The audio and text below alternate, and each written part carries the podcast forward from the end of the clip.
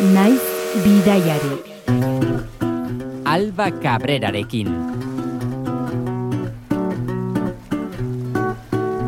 So clap your hands, feel the beat as you start to dance.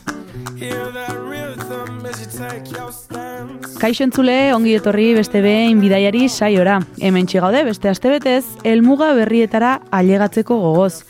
Bakarrik, bikotekiderekin, lagunekin, naiz familian.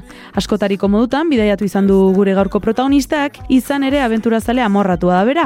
Eta saio honetarako oso berezia zaion jauzi bati buruz hitz egingo dugu. Aitorra edo, zer moduz? Kaixo, Arratsaldeon. Berdin, Ondo, zer moduz, ondo? bai, bai, oso ondo. Aitor, orain kontatuko diguzun bidaia, etzen familian egin zenuten lehenengo salto potente izan, ez? E, izan ere, malenek urte bete zuenean egin zenuten lehen jauzia, Tailandiara. E, hori da, e, 2000 eta amabian, bera jaio zen e, 2000 eta maikan, eta 2000 eta amabian e, Tailandera joan ginen, e, Gabonak, e, bai, Gabonak eta urtarrian, 2000 eta amabiko ja urtarrian, eta oso ondo joan zen guztia. Orduan e, animatu ginen eta jarraitu ginen bideatzen, urren urteetan. Eta bidaia zalea atera alda malen. Bueno, eh, uste dugu baietz. Eh, eh, bai, eh, de hecho, atzo, bueno, eh, onginen nizketan, eh, a ber, uda hontan nora joan ginen, eta beraia bere proposamena zeukan, orduan, bueno, hori beti seinale da. Talde ona osatzen duzue, Patriziak zuk eta malenek. Ba, uste dugu baietz, gainera, bueno, momentuz elkarrekin eh, gaude, kondenatuta gaude elkarrekin egotera momentuz, eta bueno, ez, ez, nik uste dut oso talde polita eta oso ondo komplementatzen gara, eta bueno, uste dute baietz. Tailandiaz gain, non izan zarete, orain arte, aipatuko altzen izkiak herrialde batzuk. Bai, e, Malasian ere egon gara, Indonesian, e, mm, Kambodian ere egon gara, e, Filipinetan, ja, Filipinetan, bai, e, Zelanda berrian, Guau. Estatu Batuetan, bai, bai, e, bai, leku, leku desente, bai. Jada neurria hartuta aldiozue urrutira, familian bidaiatzeari. Bai, bai, bai, bai, bai. Da esperientzia oso, oso polita, oso goendagarria eta guk pila bat gozatzen dugu, egia esan. Gainera, elkarrekin zaude, denbora osoan, eta bueno, hori bai egiten duela ez, pina, eta bueno, ez dakit, e, da oso intensoa. Zuk aitor, alaba izan zenutenean, Patrizia eta zuk, zuen buruei galdetu zenieten, jo, eta orain bidaiatzen jarraituko dugu? Ba, egia esan, galdera hori ez genuen askotan e, e, egin pentsatzen genuen, ez? Bueno, pentsatzen, e, ez dakit, e, bururatzen zaizu zure bizitza aldatuko dela, baina ere zu, zure zelatuazionak ere aurrera joan behar direla ere. Eh? Orduan, ba, bueno, prozesu nahiko naturala izan zen. E, guri gustatzen zitzaigun bidaiatzea, orduan, normalena guretzako izan behar zen, e, bidaiatu e, gure alboan daudenekin, ez? Eta kasu honekin gure alabarekin. E, zentzu horretan, ba, bueno, e, proba genuen, eta egia da, bai izan zela bidai hori, ez? Hasierako hori pff, izan zen, ba, ba, ez dakit nola esan, ba, gauza superpolit bat, ez? Guztia ondo atera zen, eta hortik aurrera ja, ba, ba bueno, oso ondo joan da guztia egia esan, eta, bueno, animatu e, gaitu, ba, bidaiatzen e, e, jarretzera. Zuen tandemera malen batu zenean, e, prozesu natural horretan, beldurrik pizten altzitzai zuen. Bai, bai, noski, noski, noski. Hori beldurra edo ez dakit badago, ez?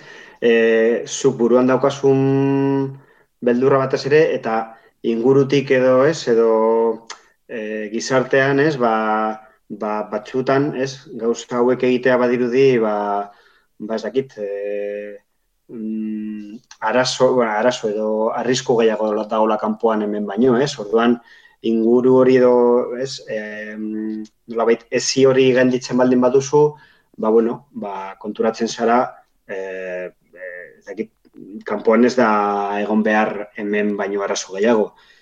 Orduan, ba, bueno, ba, hori ja gaindituta, ba, aurrera. Modu batera edo bestera aldatu altzen duten zuen bidaiatzeko modua edo. E, gaude, gaude aldatzen, eta egokitzen bat, batez ere ni, ez? Azken finean, e, ni zaretzen naiz bidaiak prestatzen, hemendik aldena ez, hori ere gustatzen zait, e, prestatzea, eta e, zentsu horretan ni moldatzen e, ume batekin bedaiatzeari, ez? Azken batez ere, bos, e, gautza, gauzak bilatzen, aktivitatea bilatzen guztiontzat, eta egokitzen e, denboretara, ez? Lan bat izan da, eta izaten nahi da. Eta ba, batez ere, e, gu sorte asko eduku dugu, ze bidai luzeak egin ditugu, orduan, e, bidai luzeak egiterakoan, e, aukera ematen dizu, ba hori, denborarekin jolas, jolasteko edo jokatzeko, eta e, ukitzeko, pues, e, lasai egoteko egunak, edo eserrez egiteko egunak, ze horiek ere oso ondo daude. Horiek ere importanteak, ez? Bai, bai. Eta era berean ere oso importantea, oso importantea ez aurraren premien artean e, bada gauza bat bere bizikoa dela jolasa. Bai. Zenbateko kabida dauka jolasak zuen bidaietan? E, jolasa edo berarentzako denbora, ez? E, leku edo herrialde guztiak ez dira berdin, baina herrialde batzuk e, askoz e, e, errezagoak dira ume batentzako beste herrialde batzuk baino, ez?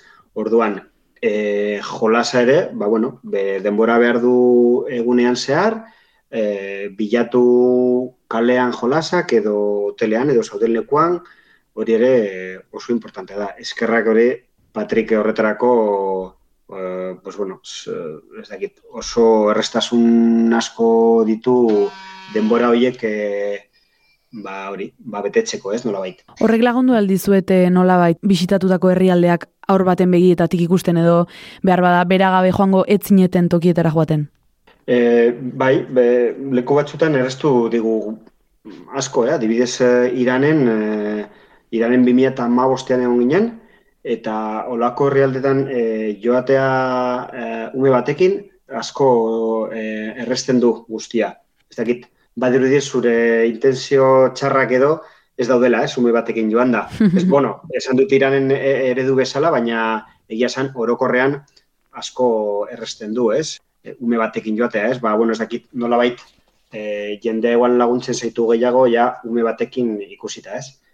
Ba, orain hitz egingo dugun herrialdera ere hirurak joan zineten, Mhm. objektu bat ekartzeko eskatu dizut aitor, eta zuk objektu ez, zuk gorputzeko atal bat nabarmendu nahi izan duzu, eskuak. Hori da, hori da. Zergatik eskuak? E, eskuak herrialdetan oso garrantzitsua da. Batez ere ulertarazteko zure burua edo azaltzeko zerbait, edo gauza asko, kasu honetan e, eskuak oso importantea dira. Keinuka ibili zinaten ez, e, hitzez ulertzen etzineten herrialde horretan. Hori da. E, zeren eskuekin behin ikasita, ez, figura hoiek ero, hamar figura hoiek konkretuki, bueno, zerbait laguntzen du bai. Egunerokoa oztopotxua inaltzitza izuen, ba, demagun jatetxeetan, dendetan edo kalean bertan, ba, bertakoekin komunikatzeko unean. Ba, bai. e, e, ia, ia egunero, ia esan, e, ez aventura bat, ez? Baina, bueno, e, batez ere janariarekin, edo, bueno, gauza batzuk bilatzeko, bai, behar zenuen normala, baino denbora gehiago, orduan, ba, bueno, alde hortatik, bidaiari aventura puntu hori, ez, ematen dio. Aventura eta pazientzia ere pentsatzen dut. Hori da, hori da, pazientziaren lantzen da asko, bai, bai, bai, hori da. Eta Aitor, zein herrialdetara joango gara gaurkoan bera? Zein herrialdetan egongo gara mimika lanetan? Txinan. Txinara egingo dugu salto? Bueno, entzule arrazoi askorengatik egiten zaigu guztioi Txina ezagun, entzun dezagun egoi belategik ea zer kontatzen digun herrialdeaz.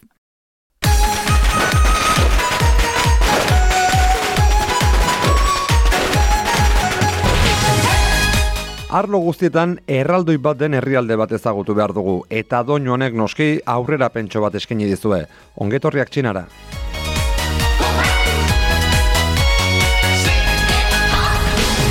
春满人间，大地展笑颜，鞭炮声声响连天。 Herrialde bat iruzpalau minutuetan orkestea ez da erraza eta zailtasunak biderkatzen dira Txinazari bagara. Lehenengo eta behin estatuazari garenean Txinako herri errepublika hitz egin behar dugu ez dezagun nahastu beraz Taiwango uartean kokatuta dagoen eta lehenak bere lurraldetzat duen Txinako errepublikarekin. 中央人民政府今天胜利了。Alderdi komunistako buru Mao Zedong entzun dugu mila bederatziron eta berrogeita bederatziko urriaren batean herri errepublika aldarrikatzen nazionalistei gerra zibile irabazi ostean.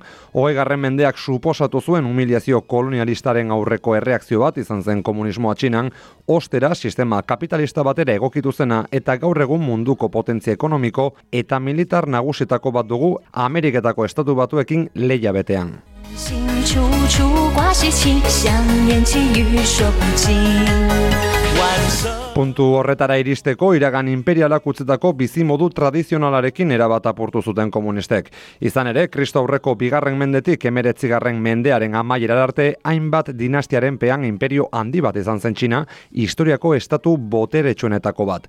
Aurretik ere, pentsalari handiak izan zituzten Txinako estatu ezberdinek eta historialari gehienen arabera, Egipto eta Mesopotamiarekin batera lehen zibilizazio nekazariak Yangtze ibaia eta ibai horiaren inguruan eman ziren. Beste modu batera esan da, historia historiatzat dugunetik, Txina beti egonda bertan modu batean edo bestean.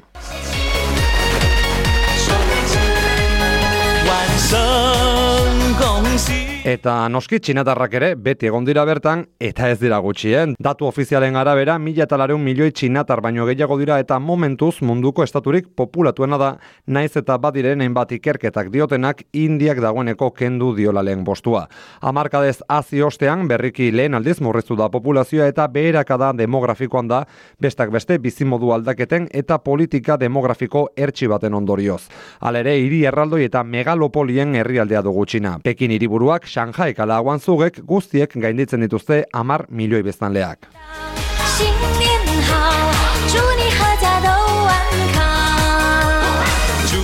Han herriaren parte dira txinatarren uneko larogeita marringuru, baina herrialde etnian hitza da eraberean berrogeita masei etnia baitaude rekonozituta tartean mantxuak, juiak, mongolak, uigurrak edota tibetarrak. Eta azken biauen kasuan bezala, hainbat dira autonomia handiagoa edota independentzia politikoa eskatzen dutenak. Eta hizkuntzari dagokionez, bagauza bera, mandarinean oinarritutako txinera estandarra da gehien hitz egiten den hizkuntza. 嗨，大家好，我叫陈婉瑜，然后我是。 Baina txineraren aldaera asko ere daude tokian toki eta marka hizkuntza ezberdin ere.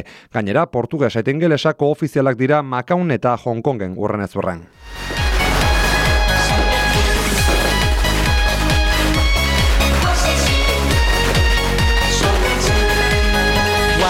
Naturari buruz, gune menditsuak liratekeak aso txinako geografiaren gehiengoa definitzeko modurik egokiena. Baina munduko laugarren estatu izanik ez dira falta gobikoa bezalako basamortuak paradisu giroko ondartzak jainango uartean, muturreko klimaotza mantxurian eta paramo amaiezinak mendebaldean. Zaila baino ezinezko izan dugu alere azken hiru urteetan txinara bidaiatzea bertan detektatu zen covid dela eta. Baina baliteke orain izatea une egokia.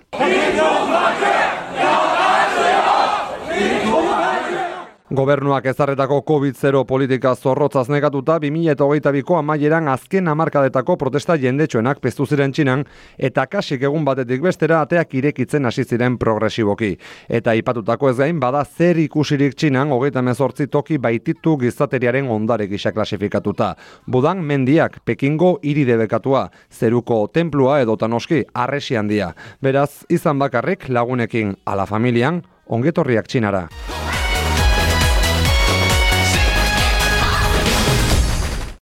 Aitor, Txina gomendagarri alda familian bidaiatzeko?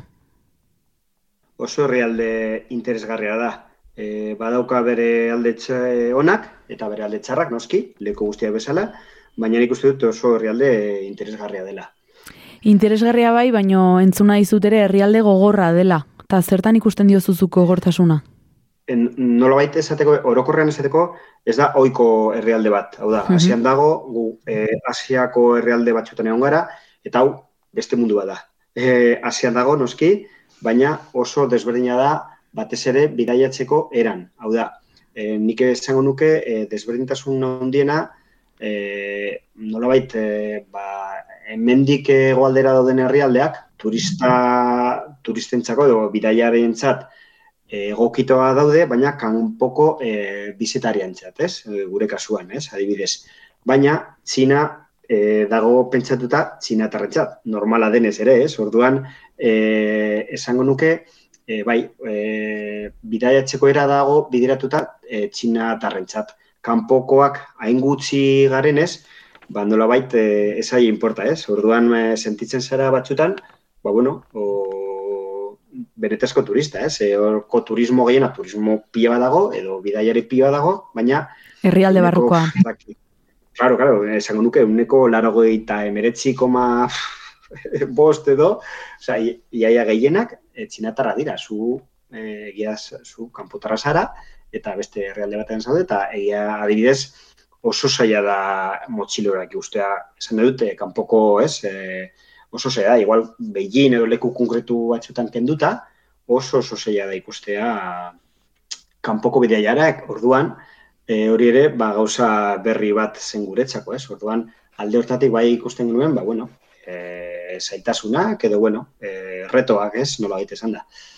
Beijing aipatu duzu, Aitor, horixe izan baitzen zuen Txinako bideiaren abia puntua.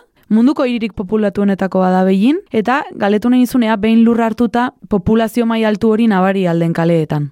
E, bai. Txinan, jo, txinan batez ere hiriak, e, osea, Amaigabeak. Hori da, hori da, hori da. Gero egia da, daukala txokoak ere lasai egoteko eta ondo egoteko. Baina batez ere e, Txinako hiriak e, nahiko eromena da, ez? E, eta beroarekin ahaztuta adibidez, ba, egiten da koktel nahiko potentea.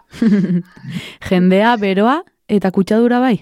Bai, kutsadura ikusten da, bueno, ambientean, ez? E, zera, e, e, ba, usainak eta ez, e, nahiko kutsatuta e, dago aizean ez eta igual zuk eskonturatu, ba, karo, gero igual gauean, ez, hotelean edo zaudelekuan, nabaritze duzu, ze, ez, e, usaina edo, ez, hor nahiko potentea da, ala eta guztiz nik uste dut, e, uda hor, a, e, guk egon ginen udan, e, ez zegoela enbeste kutsatuta. Zentzurretan uste dut nahiko, zera, Zortedunak e, izan zinetela. Bai, osea, e, zerua ikusten zen, ez? Eta hori, ez? Batzutan e, txina eri buruz, ez? Ateratzen da, ez? Kutsaduran zenbakiak kristona direla, ez? Eta guk ade- uda hartan, edo egun horietan gutxienez, Beijingen bai ikusten genuena zerua eta ondo, eta bai, bai. Beginetik hasi zineten Txina bera ezagutzen, guk aitor ezingo dugu guztia bisitatu, zuek zapaldu zenituzen toki guztiak zapaldu, baina bueno, aleginduko gara zertzela da batzuk ematen. Hasteko, beginen bertan ezagutu zenituzten txokoetatik, bada bereziki zuen jakimina piztu zuen bat, iride bekatua.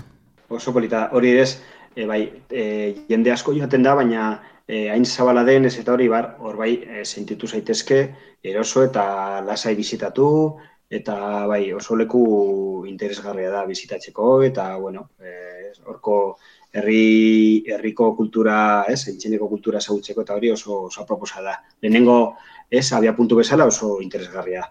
Hiri erdi erdian dago, arresi bat ezinguratuta, eta nolakoa da bapatean, ez? Egoita bat garremeneko beginetik pasiatzen egon eta duela bosteun urteko txinan murgiltzea. Ha, hori da, ez, e, e, aldaketa, ez, e, e, oso potentea da, ez, e, txinan egia esan guztiz e, azkenengo geia hogeita hamar urtetan asko aldatu da, eta hiriak e, guk ezagutu genituen hiriak nahiko modernoak izan ziren. Eta orduan da, ez, e, mende batzuk e, atzera joan, ez, guztia superondo zainduta, eta hori, ez, hori egia esan olako leku turistuak oso ondo zainduta daukate ere, eta ez, da, bueltatzea, ez, e, zera, e, urte mende batzuk e, atzera, ez, orduan alde hortatik oso interesgarria, oso, oso nola baita esan, ba, ba, bueno, ba, aldaketa horiek ere e, olako bidaietan, ba, bueno, oso, oso ondo daude. Espazio nahikotxo hartzen duen hiria da, eta zer da itor finean, beginen barruan beste herri bat, edo nolakoa imaginatu behar dugu? hiri barruko isla bat bezala, ez? Orduan horrela dago e, osea, e, oso ondo zainduta, e, e, lorategiz e, e, beteta dago, orduan hori da, irla bat, e, ez, monstro horren barruan, ez? Eta norbait bizi alda irla horretan, edo eta erakarpen turistiko hutsa da. E, ez, erakarpen e, turistikoa da, bai, bai, bai, bai, bai, bai. ez da inor bizi barruan. Sarri esan izan duzu aitor gainera nola txinan bisitatzen diren toki turistikoak jende askorentza pentsatuta dauden eta dimentsioak izugarriak direla, ezta? Hori da. Bai, e, olako, ez, leko potenteak, daude le, e, e, beginetik gertu daude hiru lau leku ez, e, mugitzeko, ez daude irean bertan, mugitu behar orduan olako leku batera joateko, ba, ez dakit nola esan, ba, imaginatzen duzu, ba, autopistako, ez, sarbide hori, ate horiek, barrela dira sarbideak autobusentxako gero barruan, ba, tornoak baldin badira, igual daude eun torno sartzeko olako leku batera, ez, osea, dimensioak Makro. oso, oso hori da, hori da. E, txinan guztia da makro. e, bai, e, claro, gero lekuak ere egia da oso onde direla, ez? E, orokorrean, e, leku batzuk kenduta, ez? Baina lekuak oso ondia dira eta daude pentsatuta bere dimensioetara, ez? Orduan hori ere guri oso arraro edo oso berria egiten zitzaigun, ez? E, dimensioak, ez? E, olako leku batera sartu, eta ez dakit e, berreun, iruen pertsona sartu minutu batean, ez? Gero da, ondo antolatuta dagoela, eta eta zentzurretan ondo, ez? E, baina, pff, Zuek ere izan zineten txinako arresi handi eta luze erraldoi horretan, ze impresio ematen du horrek? ba, impresio ikaragarria ere, ikaragarria. Da, dimensioak ere oso, gero imaginatzen duzu, ez? Nolako, eh, nola, ez? Bere garaian egin zezaketen, ez? Olako, ez? Obra hundia eta, eh, ez? Eh, Zuzoaz leku eremu konkretu batera, dago nolabait konponduta, ez? Turintze eta e, e, kanpoko, osea, bizitariak e, ikusteko, eta pff, ikaragarria da. Gainera, e, guk egon ginen lekuan, dago entorno holan naturazko, naturaz inguratuta, eta zentsu horretan oso, oso polita eta oso erakargarria. E, esan behar da ere, olako atrakzioak edo olako lekuak bizitatzeko, eh, esango nuke e, herrialde barruan e, garestia direla. Na, karo, e, beginera joan eta arresiaz ikusi, e, pues bueno, pues, suposan da, pues, e, Ezinbestekoa. Bai, joan behar dela. Hori da, hori da, ez, kasu honetan, ez? E, adibidez, irizkutua ez, baina bai, olako ja txangoak egiteko, garestia dira, eh? Igual balio du hogei, hogei tamar euro inguru, oza, hogei tamar inguru izango zen sarrera, ez, olako likuetara. Baina, mm, nola baita esan, ba, joan behar da, ez, lekuntara, eta, bueno, nire ustez, merezi izan zuen. Behin sarbidea ordainduta, libreki mugitu altzaitezke aurrera eta atzera arresian barrena. Bai, bai, bai, horia, horia, horia. Horia, bai, gero ja daude funikaloarrak, osea, hor barruan, aktra, olako leku barruan, igual sartu ez gero, igual daude mugitzeko autobusa, ez, karo, hain handiak direnez, ez, igual daude autobusak eta hori dago ja barne, eh? osea, alde hortatik ez dago, ez dago arazorik. Leku guztietan bezala, ez, merezi du goiz altxatzea, goiz hartu, eta aprobetsatu ondo eguna, ez? Hainbeste urteren ondoren eta horren beste jendek zapaldu ostean, ondo kontserbatzen alda arresia. E, guk ikusi genuen zatia gutxienez oso ondo zegoen kontserbatuta. Eta orokorrean, olako lekuak oso, oso ondo daude eh, kontserbatuta. Gero eredu batzuk, e, osea, leku batzuk desberdin buruz itxen dugu, ez? Baina orokorrean oso ondo dendo zeinduta, langile pio bat daude horretarako, e, eta egia esan, e, oso oso ondo zainduta daukate. Esan ditugun bitxuko horiek, ez? E, batetik txinako arresendia eta bestetik iridi bekatua, behinen ostatu emanda zinetela bisitatu zenitu zen, baino ziztu bizian tren hartu eta datongetik igarostean pingaora ailegatu zinaten. Eta azken honek berriro ere murgiltzen gaitu pixka bat garai bateko txinan, ezta? Hori da. E, orokorrean e, guk egon ginen lekuetan, e, lekuetan gutx, e, gutxienez, e, e, oso ondo daukate zeinduta alde zaharrek. E, herri hontako hauetako alde zaharrak e, daude e, berriztuta eta bueno, mm, daude be, bideratuta, ez, barruko turismoaren txap, baina egia esan oso txukunak utzi dutela eta nik esan nuke oso, ez, e, reflejatzen dute, ez, e, antxineko bizitza txinan nola izan ziteken. Eta, bai, hori da. Pingauko alde zarraz gain, bada horri inguruan, ez, hain ezaguna ezten, edo zuek behintzat toki horri buruz ia informaziorik etzen eukaten mendizon alde bat, mian xan. Nola izan zen duten lekuan berri? E, Miensan ez da, esen agertzen ez da giletan ere, imaginatu gida bat txinakoan nolak ez, izan daiteke, ez? Mila igual horri alde eduki dezake, Wow. gida egida, eta lekua hori ez esen existitzen. Eta hor, ez dakit, hoteleko norbait, edo ez dakit, norbait komentatu zigun, eta ba, beste hotelek, eh, hotel bat eh, txango bat zegoela, taxi bat eraman bazula, eta ez dakit, baiara oso oso polita iruditu zidan. E, interneten miratzen baldin duzu, gero konturatzen duzu. Konturatzen zara, leku ikaragarria dela, ez? Nik, e, eta txinan, olako leku asko daude. Guk egon ginen bi hilabete hori ere dago guai, ez? Sorpresaz josita dago herrialdea, ez? Olako gauzak bizitatzeko eta hori, orduan hori ere puntu bat ematen dio herrialdeari, ez? Sorpresa bat eduke dezakezu, pentsatu ez duzun leku bat e, bizitatzeko ere aukera, ez? Ematen duelako. Bai, ez izan ere badira ez eh, askotan aurrez antolatu ditzazkezun planak eta parajeak, baino bestein beste ez usteko atxegin bihurtzen direnak. Hori da, hori da, hori da. Bai, hori beti ezinbestekoa da gainera, ez? E, zuk naiz eta zerbait pentsatu dauki, beti e, egon behar dira lekuak, ez? E, ba, bueno, sorpresak edo leku berriak ere, ba, bueno, e, planak aldatzeko edo, bueno, nola baita esan, zure planetatik ere e, ateratzeko batxutan. Ba, horietako toki bat izan zen mian xantzuentzat, kondaira desente biltzen dira, e, trokarte edo barranko horretan, toki magikoa alda? Bai, bai, bai, bai, bai, e, bai, bai, bai, bai, templuz josita dago, eta eta niri gutxienez, pila bat gustatu zitzen dago, hori pinjautik ez dugu esan lehen, hogeita mar kilometrotara, eguneko txango egiteko, eta oto oso oso polita. Ba, behin menditartean edo menditarte horrekin txundituta, xian aldera joan zineten, eta bertan coach surfing bidez egin zenuten lo. Ez dakienaren aitor, azaldu iezaguzu zer dan coach surfinga? Coach surfing da, e, ba, nolabait modu bat e, e, egoteko herrialdeko jendearekin bere etxetan. Bereik eskentzen dute bere, bere etxea, guk ere hemen, eta e, ez du esan nahi e, beraiek zure etxera etorri behar direla, ez? Pertsona berdina baizik eta bere eskentzen dute da, como e, lo egiteko beste lokalen e, etxean. Orduan, aukera ematen dizu, alde batetik gertuago ezagutzeko herrialdea, eta beste alde batetik, nahi duen entzateren noski, ba, dirua aurrezteko ere.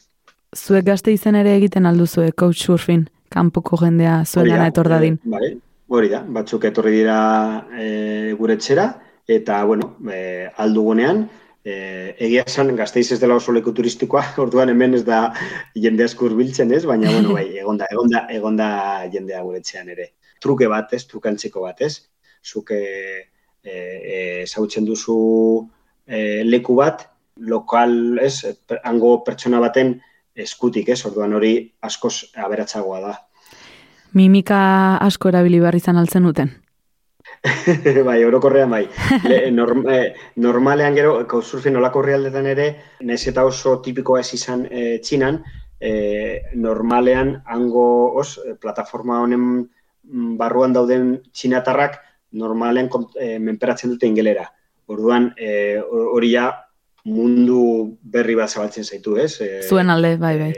Hori da, hori da, guk eh, gutxi gora bera, ingelera kontrolatzen dugu pizka bat, orduan, e, ja, hitz egitea bi esaldi jarraian norbaitekin, ez txina batean, guretzako zen beste mundu bat.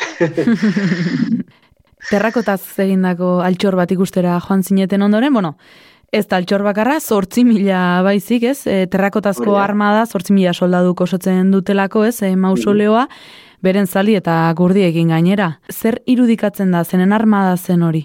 Emperadore baten e, erraldoia, eta suposen da, hori dio kondaira edo, ez, e, suposen da, berak e, hiltzerakoan, berarekin batera lurperatu zutela. Hori da, ez daukat informazio gehiagirik, eh? Olan, orain, eh? Osea, lehen bai irakurren pila bat, baina printzipioz eh, hori zen, berarekin batera, enpedare horrekin batera lurperatuta zegoen eh, eh, hori.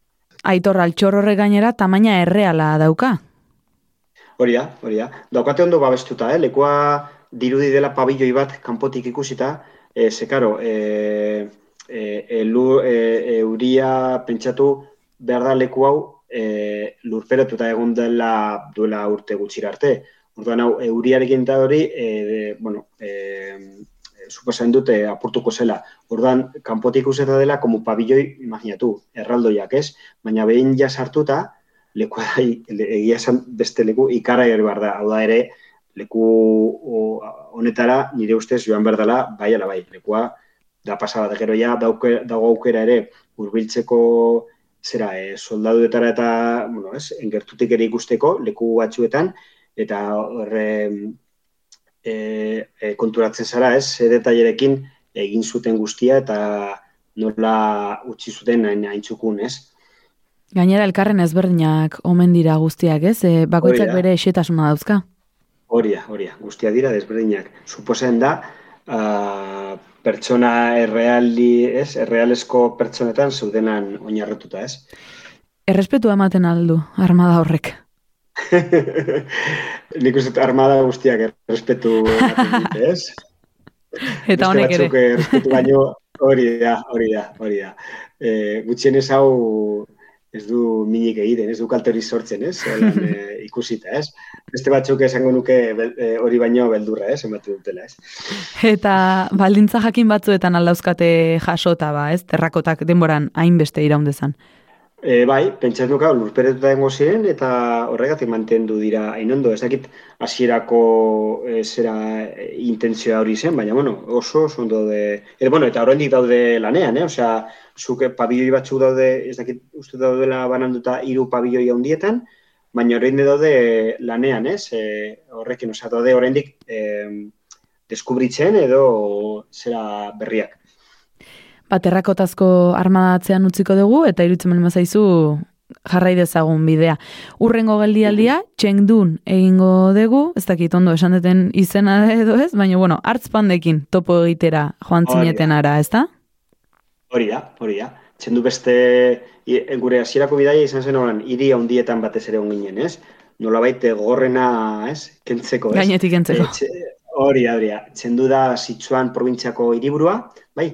Eta e, e, horre era, leku ez, famatua da, ze probintzia horretan, e, Sichuan probintzian, e, mendietan, e, ze, e, hartzpanda e, hor bizi da. Zen ez dugu astu behar, e, hartzpanda e, 2000 bosteun metotik gora bizi direla. Baina, e, txendu, osea, e, hori da, irian, daukatela como e, zentro bat, ez da zoo bat, baina hor daukate como zentro bat, e, nola baita ingeleraz breeding esaten da, como... E, e, Espeziaren jaio- iraupenerako. Horia, horia, olako, olako zeo zer, horia, horia. Eta egia da oso ondo, ondo dakotela zainduta, eta, bueno, badirudi eh, mantentzen ari direla espezia, ez? Eta, bueno, mantendu eta eh, nolabait, Biderkatu. lagun hori da, biderkatu hori da. Zenbateko askatasunez bizi dira hartzpandak bertan. Bueno, ez asko gila esan, daukatela barre eh, hemen, hemengo konparazioa eginda, ez? E, zogondi bat edo kabarzeno antzeko bat, ez? Eta egi- egia esan, beraiek ere ez dutela e, zera leku askorik behar, eh? egia esan ez dira asko mugitzen. Hori ere hor konturatu ginen, e, le goizean esnatzen dira edo, jan egiten dute ordu batez edo, eta gero iaia egun osoa daudela mugitu gabe. Orduan alde hortatik ez da oso espektakula oso oso e, e, bai, gomendagarriena dela, e, lehenengo orduan joatea, e, ekiriteko ere beste alde batetik beroa, eta e, ikusteko beraiek e, jaten. Zera aktibo dauden momentua. Bestela, Beste- bizitza sedentarioa.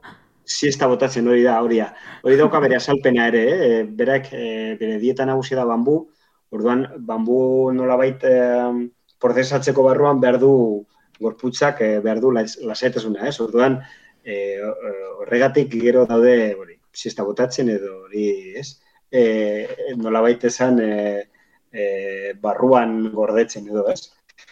Pozik altzegoen malen behin hartzpanda ikusita. Bai, bai, bai, bai, bai, bai. Bueno, bera eta guk, noski.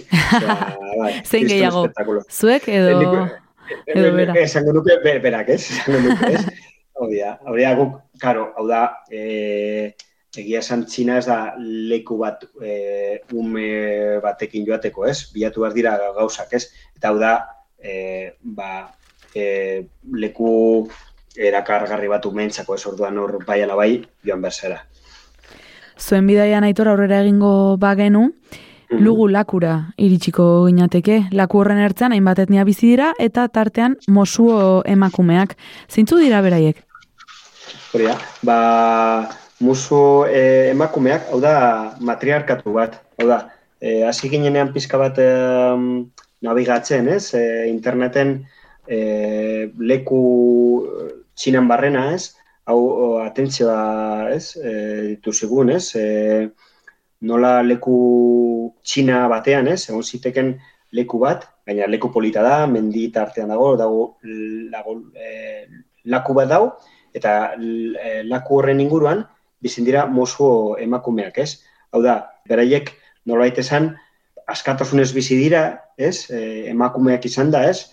E, eta beraiek e, adibidez e, propietatean el, e, etxeetan jabeak dira, e, gero ez dira eskontzen, hau da, e, emakume hauek e, bi, bi gizonekin egon daitezke elkarrekin, e, hori hemen arraroa edo desberdin izan baldin bada, ba, imaginatu txina batean, ez? Orduan, eta bai, ikusten zen, hau da, ez dakit, e, guk egin bi egun hor, familia batzukin hotel batean, ez? Baina, bueno, familia artean, eta ez dakit, ikusten genuen, ez, emakumeak beste modu batean bizitzen, ez? Eta hori, jo, polita da ikustea eta eta oso deigarria, ez?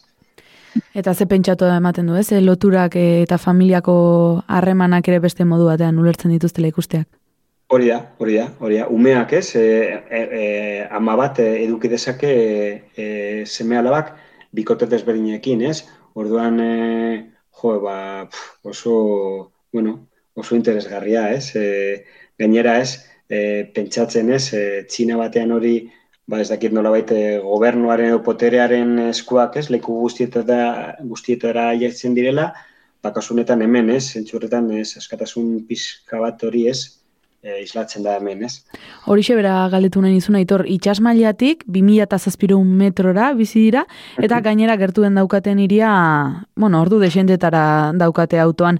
Baien oiturak gordetzeko hori mesedegarri alda? Pentsatzen du baiet, ez, e, nolabait leku izkutu batean edo ez, edo ez, e, pizkat baztertuta egotea, igual horri bere alde, bere alde ere egingo, egingo du ez dakit, ez? Badira urte batzuk, turismori ateak irikizizkiola lakuak, Badakizu, nola bizi duten beraiek, e, lugu lakuaren ertzak antropologoz eta bidaiari ez betetzea? E, egia zen, ez ez dela oso leku turistikoa, eh? bai ikusten da kapoko jendea, e, txinatarrak normalean e, olatu erraldo joiek ez dira aia, ara ailegatzen, e, badaude hotelak eta hori noski, baina ez da oso loko, e, nolabait ez daukalako erakargarritasun nolan zerbait oso ikusgarria ikusteko, ez? Bezik eta hor, erakargarria da pertsonak, ez? Orduan, hori egia zen, barruko turismoa ez duela asko mugitzen. Baina, ez, lehen esan dugun arrazoien gatik, guretzako adibidez oso leku interesgarria izan zen.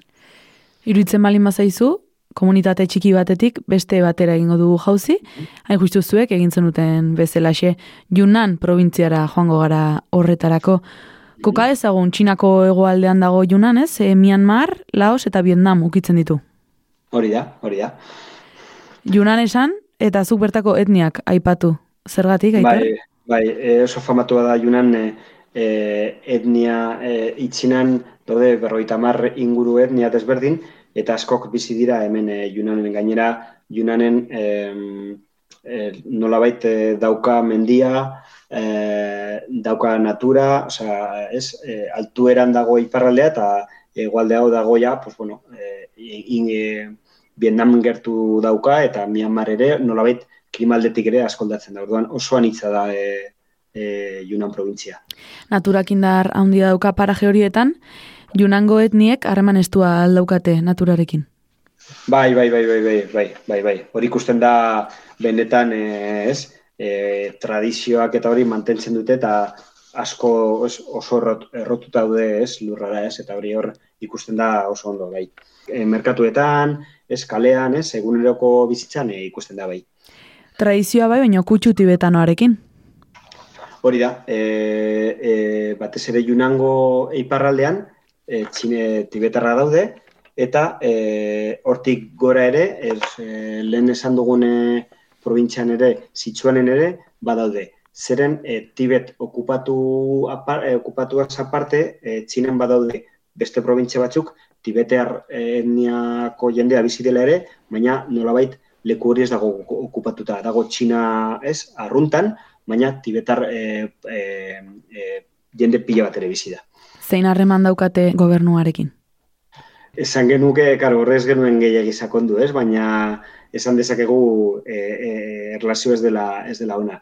Gainera, e, ikusten da, nolabait ere, e, lehen e, itxen dugu lo, luku laguari buruz, ez? Nola, araño ez da, heldu ez, e, poterea edo, nolabait esan, baina, e, tibetar herri hauetan ere, e, bai, hor sartu eskua asko, e, ikusten da, adibidez, garraioetan, ez? E, autopistak edo tren e, e, treneko bideak edo daudela egiten eta konektatzen leku hauetan, ez? Nola baita esateko, babitu. So, ez zaudete gure esku ez eta guk ez, jartzen dizuegu baleabideak konektetuta egoteko txinarekin, ez? Orduan, hor bai ikusten da hori edo, e, edo jartzen dute ikur pila bat e, bideetan, eta nola baita ere bidaratzen dute e, xa, e, etnia, ez, txinako etnia mairutarri buruz, hor, e, hor e, bideratzen dutele ere, ez, nolabait, konkista soziologoa ere egiteko, ez, konkista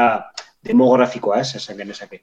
Udaberri amaigabe batean bizi omen da Junango provintzia, esaten duten eguan nahiko temperatura epelak, eta udan ia monzoirik ez, zuek horrelako zerbait bizi aldi izan zenuten? Hori da, printzipioz, e, uda ez da, ez da sasoi oberena, baina egun nahiko sorte eduke genuen, ze iparraldea bai neko estable izan zen eguraldia, baina gero, bueno, bai, e, zera, e, bota zuen e, euri pizka bat, baina, bueno, e, egia zen e, nahiko suerte duke genuen e, eguralde aldetik, bai, zeren prinsipioz udan e, euri asko egon behar du, oza, bota behar du. Eta euri horrek, ba, hango tegorriko landaketak ureztatzen ditu? Hori da, hori da, hori ikusten dira, eh? te plantazioak eta oso politak, eta bai, adiez dalin, eta inguruan, ez, badago, e, ibai bat horti pasatzen dela, eta oso, oso erakargarria eta oso polita egia zen. Dalin, Lilianen, et, Xaxin eta beste hainbat tokitan ere izan zineten, baina bada bat maiz fikzioarekin astu izan dena, Shangri-La. Hori da, Shangri-La, ez, e, asmatu zuten e, leku turistiko bat bezala, idazle batek idatzita ez, Sangrila leku paradisiako horrek e, bereek moldatu zuten eta berrestu zuten herri tibetar bat, dagola ere hori e, Junango iparraldean, e, mendietan, daude irumilatik, irumila metrotik gora dago, eta hori da, guztiz tibetarra da herria, guztiz berrituta, bai, bai, bai, hori e, daukale e, Parke Nazional bat gertu ere, eta monasterio handi bat ere, eta hori da, txinan egia esan urte, bi edo hiru urtetan, bota dezakete herri handi bat, eta berriztu, osea, hori altasun hori eh, badaukate. Ba ez, da Shangri-La horren adibide. Hori da, hori da, hori da. Bi urtseko ezerrezetik e, gauza turistiko batera, ez?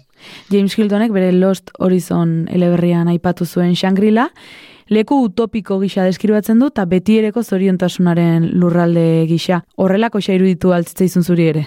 Bueno, guk, guk tibetar, e, beste tibetar herrialdetik e, etortzen ginen, orduan hau guretzako zen lehenengo e, kontaktua, ez, tibetar e, populaziorekin, orduan guretzako iruditu zitzakon bai e, e, bideratuta turismoari, turist, eza, turismoaren txat barkatu, baina egia esan, e, guretzako esen aldaketa gehiagirik e, irudikatu zen lehen arpatu dudan bezala, alde zaharraskok daude e, berriztuta, eta orduan alde hortatik e, guretzako, eh? esen, des, e, esen oso desberdina bai egia da leku polita dela eta oso gomendagarria ere.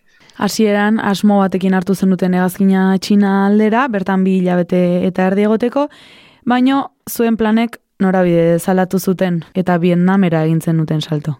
Nola baite, txinak harrapatu gintuen gehiegi ez, nola baite esateko, eta ja behin hilabete bat genera, man edo hilabete bat baino baiago, eta aprobetsatu edo baliatuz, ez, e, ja junan ingun dela, junanetik oso gertu dago Vietnam.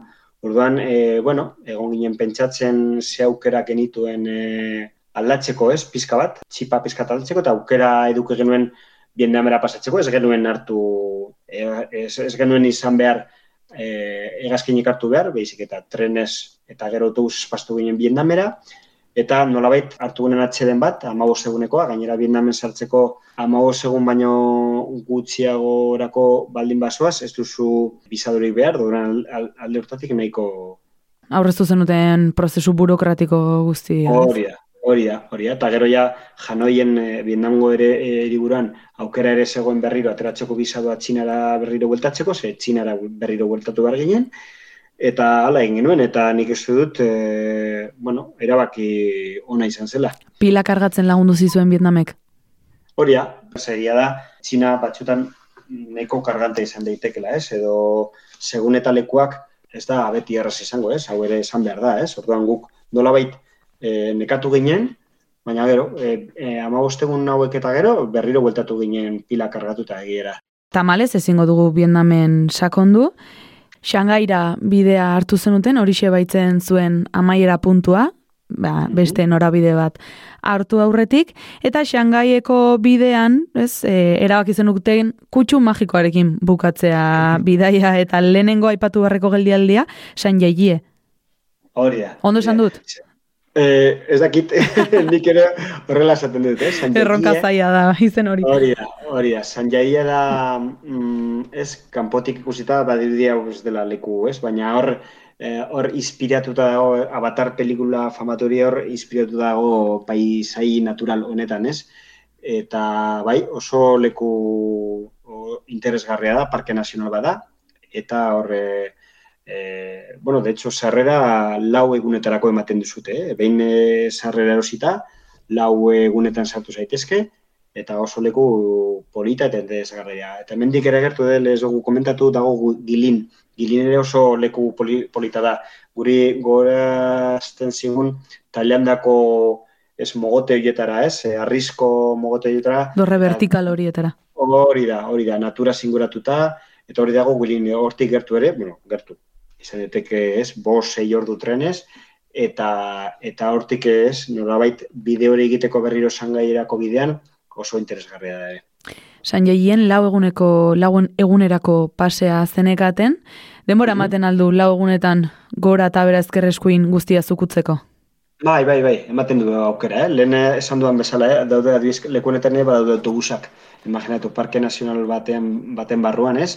Autobusak jendea mugitzeko, ez? Bestela, distantziak hain handiak di, dira, ez? Be, e, zer behar duzu, ez? E, Garraio publikoa mugitzeko igogailuak ere badukote, e, imaginatu igogailu erraldoiak e, mendi barruan ere, eh? Osea, Wow. horregatik e, e, txinan batzuetan ikusten duzu gauzak, i, e, beste inon ikusiko ez dituzunak. Ez, irudika ezinak. Hori da, de, adibidez horre e, San Jaie ondoan ere badago beste parke nazional bat, oso interesgarria, eta horre daukate e, igogailu bat sartuta mendi barruan. Osea, imaginatu mendi, barru, mendi arroka baten barruan sartu, eta hor daukate e, e, igogailu erraldoiak, erraldoiak jendea mugitzeko. Osea, pasada bat. Zer ikusten da? Mendia barrutik ikusi zenuten edo Hori bista bai, bai, gero hortik eh, hortik eh, gertu, daukate como la pasarela batzuko lan eh, inguratuta, horren kristelez daukatela behan jarrita, hori eh, argazkietan eta hori atera da, eh? Eta hori da, hori da pasada bat. Hori da, nolabait eh, eh, egiten da eh, igogailu honen barrutek atera, eta como precipicio batera ateratzen zaitu, ez? Gero goitikan ere ibili zaitezke, eta gero hor bada, badaukat ere zera e, zulo handi bat, eta mendiaren barruan eginda, hori naturalki eginda, eta hori ere oso, oso ikaragarria da egia esan. Bertigoa jota etzen inor gelditu. Ez, ez, ez, ez. Karretera estuak ere? Bai, bai, holako leku batzuetara igotzeko, e, e, behar dira, oza, e, badaude autobus publiko horietan, ez, igotzeko mendi hauetara, e, estuak ere, baina hori daukat ere ondo antolatuta e, zure kabuz ez joateko, bestela imaginatu zelako erokeria. Avatar pelikulan murgiltzeko aukera politia izan zen. Bai, bai, bai, bai, hori da, hori da, hori da. Gainera, karo, hori ja pelikulaz dakitzen bat aldiz ikusi genuen, ez? Hiru dola aldiz, ez? E, hori ja ingurudatu eta geneukala, ez? Hori ez, leku hau oso interesgarria da eta oso polita da umeekin joateko. Egia, eza, egia da ondo prestatu dagoela bai. Toki magiko batetik, beste toki magiko batera egin zenuten salto, Disneyland, Shanghaien agurtu zenuten txinako bidaia. Hori da, hori da. Leku hauek eh, ez, e, eduki behar dira, ez? Hor gordeta, ez? Bada espada eta, bueno, ba, ume bat entzat imaginatu, ez? Eh, Disneyland hor bideratzen zaitu, ez? Leku, bueno, ez dakit, bere lekua, ez? Eta, bueno, ala joan behar da ere. Bereek eskatzen baldin badute gutxienez joan behar da. Malenen eskakizun ezin zantzen edo zuek ere nahikoa interesatuta zendeten? Ez, bere, bueno, bere gixajoak eh, kasu honetan eh, ez, eh, lehen esan duan bezala, txina ez da, ez, leku ere akargarriena, eta hau baldin badago eskura, eh, saietu bazara ere, bere, ez, beharretara edo behar gustoko gauzetara ere moldatu ez, eta hau baiana bai, egin behar da. eta nola bai, claro, ondo pasatu, jake hor barroan baldin bazaude ez, ba, ondo pasatu, noski. Txundituta gelitu altzen, bertako Disneylanekin. Bai, bai, bai, bai, bai. Bakarrik ezagutzen nuen beste bat, aiz, hemen eh, Parisen ez gara egon, baina Tokion badago beste bat, eta Tokion ere egon ginen, eh, best duela urte batzuk ere, eta hau eh, esango nuke, Shangaikoa handiagoa dela, berriagoa bada, bai? Eta Tokiokoa, baina handiagoa, oso imaginatu ere dimensioak, ez? Eta ze pertsonaia zuden Shangaiko Disneylanen? Niretik gure kasuan, e, kutxinena zen e, Frozen, justo e, garai hartan Frozen zen e, malenen ez, maitagarriena edo gustukoena eta guretzako hori zen gure rockstar. Eta horri buruzko ikuskizun bat ikusi zenuten? E, egia zen jau ja, irailan ginen, baina hala eta guztiz horrendik beroa egiten zuen, eta hor sartu ginen eh, haize e, egokritutako pabiloi baten, eta bai, ikuskizun poli bat ikusik duen. Frozen pelikulan agertzen dena abesti batekin, oroitzen zara zu, txinako bidaiarekin gogoratzean, aitor? Hori da, hori da, Frozeneko abestia. Ba, iruditzen bali mazaizu, guk ere horrela borobilduko dugu elkarrezketa. Beran tamen 来看见，做好女孩就像你的从前，躲藏不让他们看见，已被发现。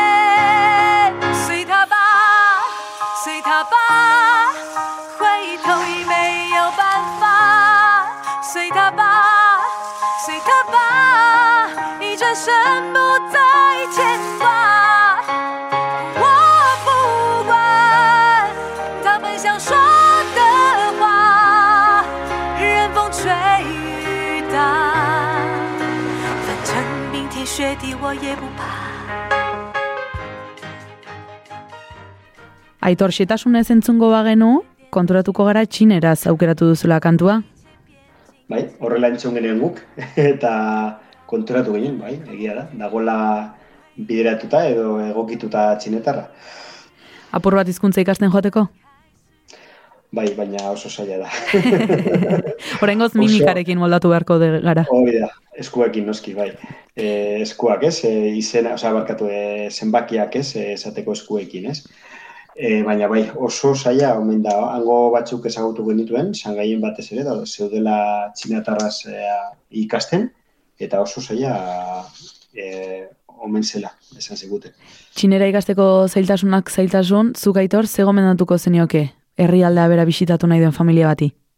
Ba, bueno, eh, ez dakit eh, pasentzia euki, lehenengo gauza, prestatuta euki burua gauza desberdinak eh, ikustera, eta eh, gauza baino eh, beste modu batean egiteko, ez? Hau da, eh, prestatu euki burua, ba, bueno, kanpoko jende ez duzu ikusiko, eta eh, moldatu bazara beraien oituretara, eta, bueno, herriko ja jendea oso jatorra da, gurekin oso ondo portatu zen, arratsalde askotan ikusten zenez, herrietan, jendea datzatzen, ez? Hori oso tradizio polita iruditu zitzaigun, ez? E, dantza plaza bat eh, bezala, baina egunero, e, musika jartzen zuten plazetan, eta jendeak e, gazteak, zaharrak dantzatzen zuten elkarrekin, eta ez dakit oso gauza polita iruditu zitzaigun, ez? Eta, bueno, batez ere, burua, ez? Ireki eta euki, eta preseuki gauza desberdinak eta konportamentu desberdinak batez ere e,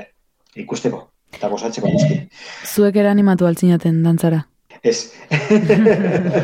ez, ez, ez, ez. Ez ginen, baina, bueno, hor, e, bere inguruan ginen ginen, eta, bueno, nolabait, e, bueno, gozatu ginen bai, oso polita izan zen. Kontrara zer etzen nuke gomendatuko? Ba, bueno, ba, ba adibidez, eh, ahal baldin bada, ez joatea udan. Gu, gutxienez, ez, 2018ko uda hontan, kriston bera egin zuen.